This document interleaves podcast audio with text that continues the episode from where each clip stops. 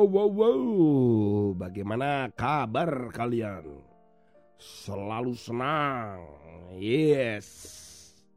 Anak-anak waktu kecil, Kak Tony ini sering juga memberikan tantangan atau berlomba dengan teman-temannya Kak Tony. Yaitu lombanya menjadi patung. Siapa yang bisa pada posisi tertentu, kemudian yang paling lama dia bisa berdiri atau duduk atau posisinya itu, maka dia adalah pemenangnya. Gitu. Ada satu lagi tantangan yang Kak Tony waktu kecil lakukan, yaitu mata tidak boleh berkedip. Wah, ditantang tuh. Wah, ditiup-tiup, kemudian dikipas-kipas. Wah, kalau matanya berkedip maka dia kalah. Nah itu tantangan-tantangan yang waktu kecil muncul. Nah bagaimana dengan kalian? Apakah kalian juga pernah mengalami itu? Nah ini kali ini di China atau di Cina sana. Yaitu tepatnya di provinsi Henan. Dan mengadakan sebuah kompetisi di sebuah pusat perbelanjaan apa ya kompetisinya? Ternyata kompetisinya meniru Kak Tony kayaknya. ya kompetisinya adalah lomba mematung. Jadi pusat perbelanjaan itu mengadakan lomba yang kurang lebih sudah empat kali. Dia mengadakan ini kepada peserta di sana yang berusia tidak lebih dari 30 tahun mereka harus mematung, tidak boleh bergerak.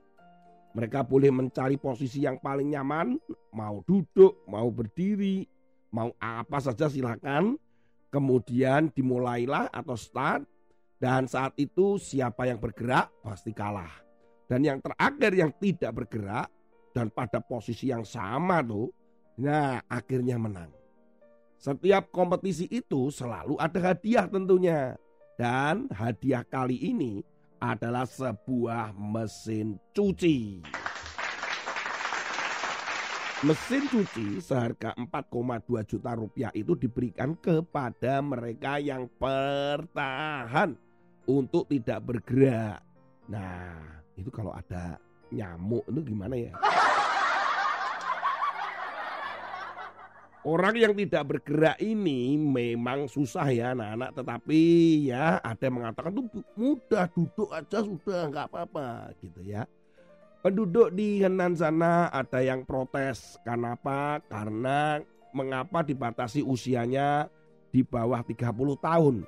Sementara yang di atas 30 tahun pun ingin mengikuti kompetisi ini. Apalagi mengingat tujuannya. Tujuannya kompetisi ini hanya menunjukkan atau mengingatkan bahwa manusia itu perlu istirahat dari pekerjaan-pekerjaan yang si si si si si, si sibuk gitu loh kan. Jadi mereka mengingatkan bahwa kalian perlu istirahat. Rasanya kok nggak bukan istirahat. Wong diem saja kan tambah capek. Ya, ya ada-ada sajalah dalam setiap uh, pertandingan atau kompetisi. Nah anak-anak Bagaimana dengan firman Tuhan hari ini?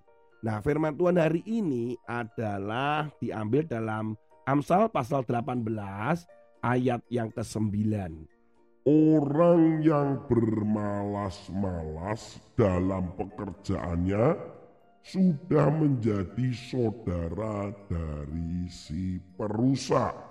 Maksud daripada ayat ini adalah jangan menjadi orang yang malas.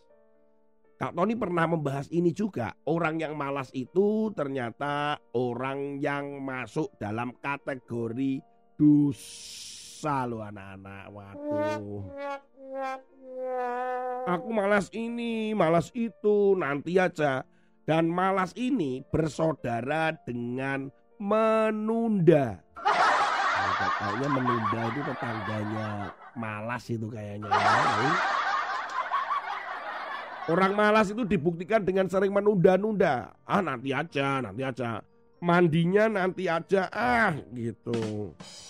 Ayo makan, makannya nanti aja, ah gitu. Atau mungkin, ayo nanti kalian harus belajar loh. Nanti. Nah, gitu.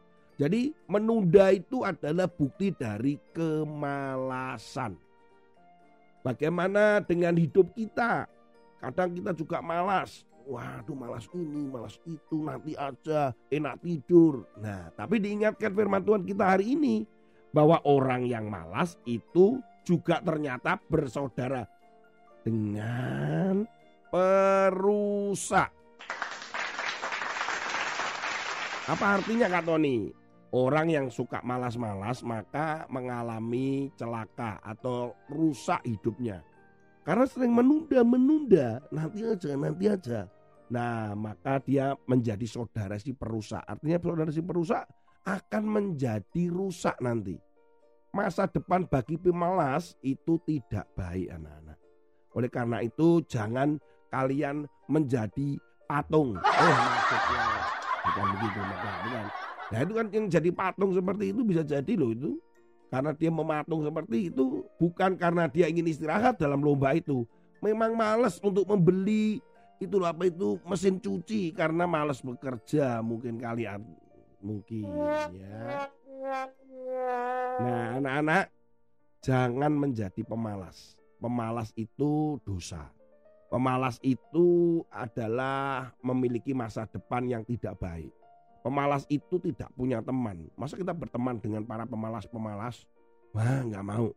Ya, karena itu akan menular. Pemalas itu juga eh nggak disukai oleh orang.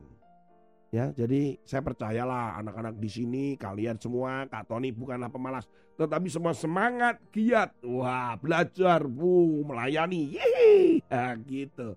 Ya, sampai ketemu dengan Kak Tony pada episode berikutnya. Jangan ikut lomba-lomba yang tadi yang jadi patung ya. Nanti jadi patung beneran.